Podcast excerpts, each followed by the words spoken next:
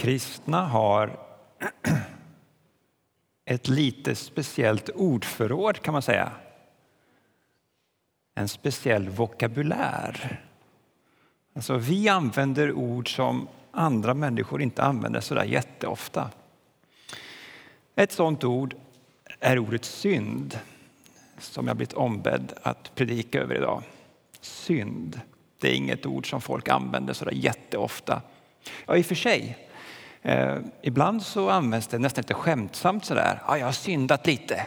Och så kanske man menar då att man har käkat lite godis eller i värsta fall rökt en cigarett. Men vi som sitter här vi tycker nog att en sån användning av ordet synd är lite ytlig. Eh, för synd är ett rikare begrepp än så. Men om vi ska vara lite självkritiska så kanske även vi kristna gör oss skyldiga till ett visst förytligande av begreppet synd. Det tror jag man kan säga. Och min förhoppning är att vi idag ska få en lite djupare förståelse för det här begreppet. Och det är viktigt för att jag tror att när vi får en djupare förståelse av det här begreppet och förståelse av vad synd är för något, då blir vi inte lika benägna att döma vår nästa. Att bli moraliserande. För jag tror faktiskt att en ytlig och förenklad syn på synd bidrar till att vi får en, eller kan få en dömande attityd. Ibland säger vi då att vi är fariseer, men man blir fariseisk om man dömer andra. Alltså hela tiden klagar på andra människor, på andras beteende. Och det är verkligen inte syftet med dagens predikan, att bidra till det. Utan syftet är att bidra till att försöka förstå den kristna trons goda nyheter på ett djupare sätt. Och det är det temat vi är inne i nu, goda nyheter. På vilket sätt är det då goda nyheter som den kristna tron har att komma med när det gäller synd? Och det ska vi undersöka nu tillsammans en liten stund framöver. Och då vill jag ta upp fyra saker som jag tror är viktiga gällande då begreppet synd. Förra söndagen så var evangelisten Lukas vår guide kan man säga. Fredrik läste från Lukas evangeliet och från Apostlagärningarna. Eh, och idag kommer Johannes att vara vår guide. Vi ska läsa fyra Johannes-texter. Eh, och vi börjar med att gå till Johannes evangeliet första fem versar. Så vi ska läsa Johannes evangeliet kapitel 1, vers 1-5. Och det är ju nästan en lite filosofisk text det här. Eh, där begreppet ordet syftar då på Gud, sonen som blev människa i Kristus. Så vi läser vad Johannes har att säga. Han skriver så här.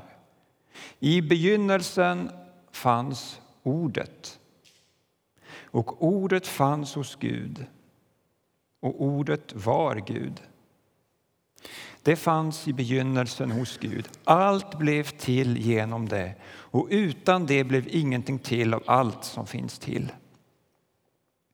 I ordet var liv och livet var människornas ljus och ljuset lyser i mörkret och mörkret har inte övervunnit det. Här talas det om Gud, Sonen, Ordet som har skapat allt. Och så talas det om, om ljus och mörker. Och det kan man nog förstå på två plan. Dels som en slags hänvisning tillbaka till skapelseberättelsen där ju Gud säger var det ljus och det vart ljus. Men man kan också förstå det på ett lite djupare, mer symboliskt plan där Gud står för ljuset och det här ljuset står i kontrast till vad då? Jo, tillvarons mörker. Och nu kommer vi till det här med synd. För man kan säga att synd är som ett, ett tillstånd av mörker i vår värld. Bildligt talat så, så lever vi alla i ett slags mörker. Synd är som en slags solförmörkelse. Det borde vara ljust i vår värld, men det är ganska dunkelt. Det räcker att titta på Aktuellt för att se det. Teologer och kristna filosofer har genom århundradena brottats med den här frågan. Om Gud har skapat allt, vad, de har frågat sig liksom, varifrån kommer då det onda? Varifrån kommer tillvarons mörker? Är det dunkla också skapat av Gud? Frågetecken. Så har man vänt och vridit på det här. Och en sak har man varit ganska överens om och det är att ja, Gud har skapat allt, men det onda i tillvaron, det ska man nog förstå som en defekt i det goda. Som en brist i det som egentligen i sig är gott. Privatio boni på latin om man är lagd som jag åt att tycka sånt här är intressant. Privatio boni. Eh, en brist i det goda. En brist i det som egentligen är gott. Det onda det är ett tillstånd av bristfällighet i det som i grund och botten är Guds fina skapelse. Alltså det är som att något har gått sönder. Det är något som skaver, som inte borde vara där. Det är som att få grus i skon när man är ute och vandrar. Det blir skavsår. Man haltar. Det är som att hela världen har fått skavsår. Som att hela världen haltar. Och det här tillståndet av haltande, det är synden, syndens tillstånd. Och det är något vi alla lever under och påverkas av. Vi föds in, för att gå tillbaka till bilden av ljus och mörker, vi föds in i en dunkel värld. Och vi lär oss från barnsben att det här är det normala. Det är så här världen är. Ehm, I den bemärkelsen så är begreppet arvsynd inte så dumt. För vi föds in i en mörk värld och här lär vi oss, vi lär oss, omedvetet nästan, att vandra mörkrets vägar. Ja, det är inte nattsvart förstås, förstås, det finns mycket gott här i världen också. Eh, och vi kan ta oss fram i det här dunklet, det är inte totalt mörker som råder förstås inte. Men oj, vad vi längtar efter ljuset ändå. Eller hur? Och enligt Johannes så har det här ljuset redan kommit in i världen genom Jesus. Och det är goda nyheter. Mitt i dunklet, mitt i det mörka, så har ett kraftigt ljus tänts. Så det var det första jag ville säga, att synd är ett tillstånd av dunkelhet som hela världen befinner sig i. Synd handlar inte bara om privatmoral, utan det är mycket större än så. För det andra, vi bidrar alla till det här tillståndet av mörker som finns i vår värld. Alltså vi är inte bara offer, utan vi är också medskapare till det här mörkret. Medvetet eller omedvetet. Det finns en, ett intressant uttryck i Hebreerbrevet kapitel 9 som vi inte ska läsa nu, men, men jag, du kan kolla upp det sen om du vill. Hebreerbrevet kapitel 9, där det talas om ouppsåtliga synder. Alltså synder utan uppsåt. Det tänker jag är ett intressant uttryck. Det är inte bara det vi gör medvetet, utan det finns någonting annat, något, något som till och med kan ske ouppsåtligt. Men vi, vi låter Johannes guida oss vidare eh, på den här punkten och då går vi till första Johannesbrevet. Och då läser vi kapitel 1, vers 8 till och med 10. Och då säger, skriver Johannes så här att om vi säger att vi är utan synd bedrar vi oss själva och sanningen finns inte i oss. Om vi bekänner våra synder är han trofast och rättfärdig så att han förlåter oss synderna och renar oss från all orättfärdighet. Om vi säger att vi inte har syndat gör vi honom till lögnare och hans ord finns inte i oss. Mm. Om vi säger att vi är utan synd bedrar vi oss själva, läste vi. Så vi är alla drabbade, enligt Johannes. Men, men notera då det hoppfulla i det vi just läste, att Gud kastar inte bort oss eh, för att vi bidrar till att förmörka den här världen. Det finns förlåtelse dag efter dag och det är ju goda nyheter. Det är inte kört. Gud kastar inte bort oss som skräp, tvärtom. Gud är trofast. Det betyder att Gud går att lita på. Det går att lita på Gud. Så jag läser det igen. Om vi bekänner våra synder är han trofast och rättfärdig. Han går att lita på så att han förlåter oss synderna. För det tredje, det här tillståndet av eh, dunkelhet som finns här i världen och som vi alla då är en del av. Det är för det tredje det är destruktivt. Man kan såklart räkna upp då extrema händelser om man vill, som till exempel trafficking och slaveri och så här. Det är verkligen typexempel på destruktivitet. På ett mer vardagligt plan kanske man kan, ja, det kan röra sig om, om olika former av skadligt beteende. Eller för all del om saker som miljöförstöring, en slags kollektiv synd som vi alla är en del av. Eller så kan det röra sig om sånt som vi är mer vana vid att betrakta som synd, med saker som lögn, och elakhet och missundsamhet och sådana saker. Poängen här är att, att synd på ett eller annat sätt är destruktivt. Det förstör, det förslavar oss det tar vår värdighet ifrån oss. Om vi då går tillbaka till Johannes evangeliet så säger Jesus så här i kapitel 8, vers 34. Jesus svarade, sannerligen jag säger er, var och en som syndar är slav under synden. Så synd är något destruktivt som förstör vår frihet, som förslavar oss. Vi behöver befrielse. Och de goda nyheterna, det, det får vi i Kristus. Och I samma avsnitt, om vi går till vers 36, så säger Jesus att om nu Sonen befriar er, ja, då blir ni verkligen fria. Det finns ett befriande ljus i den här världens mörker. Och det är goda nyheter. Och det för oss då till den fjärde punkten. Och då ska vi gå till tredje Johannesbrevet. Och där läser vi från första början, eh, vers 1 till och med 3. Från den gamle, och det är också ett sätt att börja ett brev på, från den gamle till hans käre Gaius som jag i sanning älskar.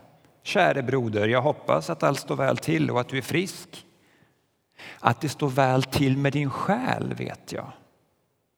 Det gladde mig mycket att få besök av bröder som vittnade om sanningen hos dig, hur du lever i sanningen.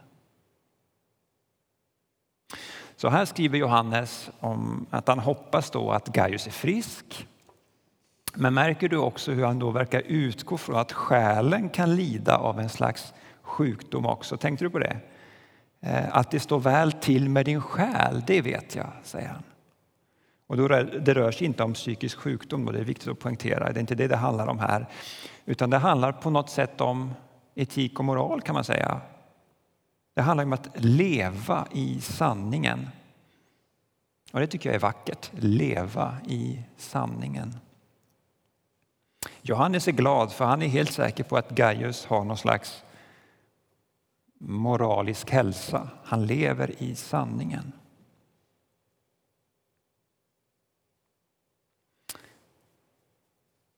Här kanske jag har en, en hälsning till någon speciell person som lyssnar på detta. Ehm, så möjligen är det en profetisk hälsning. Ja, på tal om, om eh, kristna uttryck så det betyder inte det att jag ska förutsäga framtiden nu utan en profetisk hälsning handlar ju om att eh, jag på något sätt har fått en stilla förvissning om att jag skulle säga det här och att det kanske berör en viss person.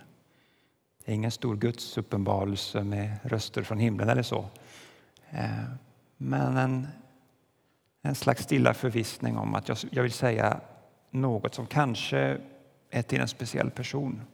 Här eller om du sitter hemma och, och, och lyssnar hemma.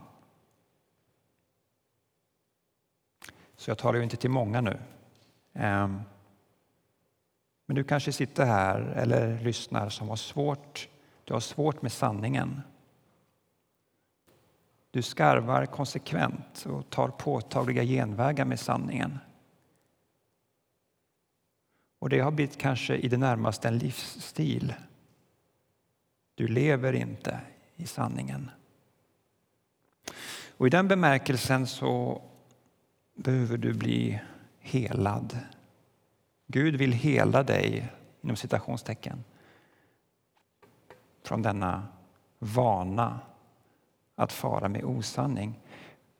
Ehm, och det är goda nyheter här, för Gud är ju som en slags läkare kan vi säga. Och förstås, då, jag menar inte att synd är en sjukdom, men det är en bra bild. Vår Gud är som en läkare som kan hela våra vanor när de inte är som de bör vara. Så om jag skulle sammanfatta de här fyra punkterna om synd, om en lite djupare förståelse av synd, av synd bortom bara syndakataloger och listor av saker och ting som man bara listar upp. Då skulle jag säga så här att synd är ett slags tillstånd av dunkel som vi alla lever under. Det finns liksom runt omkring oss överallt. Och det här tillståndet det är destruktivt. Det skadar oss, det gör oss illa, det förslavar oss. Och en del av den här dunkelhetens slaveri det är att vi inte bara förblir offer utan vi, vi bidrar till att förmörka vår värld. Det gör vi alla, var och en av oss. Och de goda nyheterna är ju att det finns förlåtelse och att den här förlåtelsen inte bara, inte bara handlar om att eh, som dra ett streck ur det förflutna utan det finns en dimension av ett slags inre helande.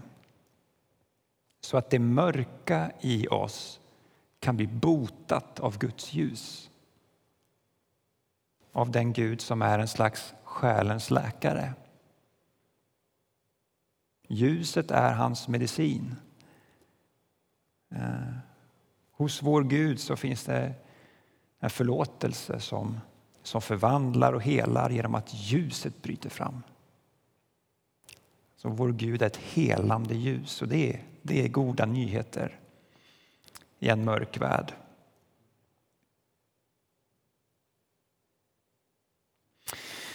Vi har ju lyssnat på Johannes då, som sagt. Eh, men nu ska vi till sist också lyssna på profeten Jesaja.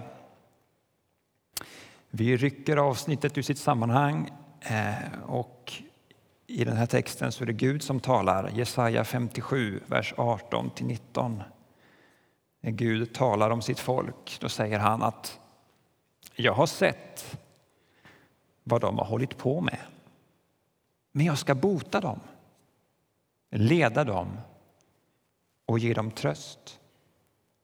Hos de sörjande skapar jag lovsång, frid och lycka åt alla. Fjärran och nära, säger Herren. Jag ska bota dem.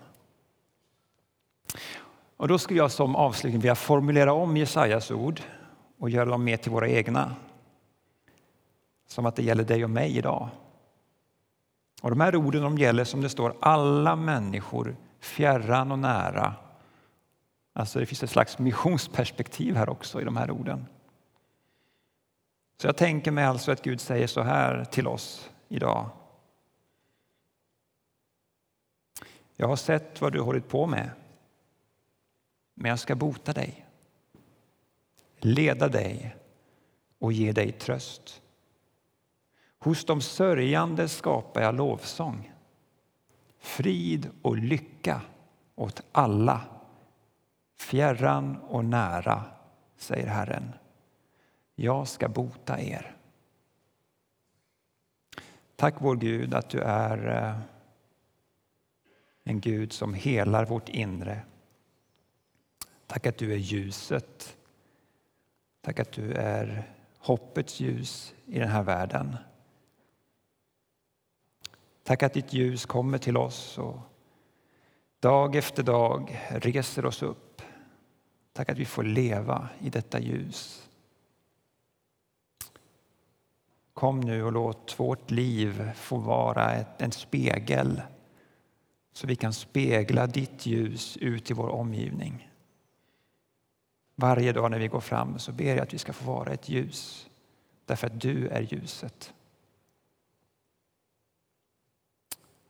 Amen.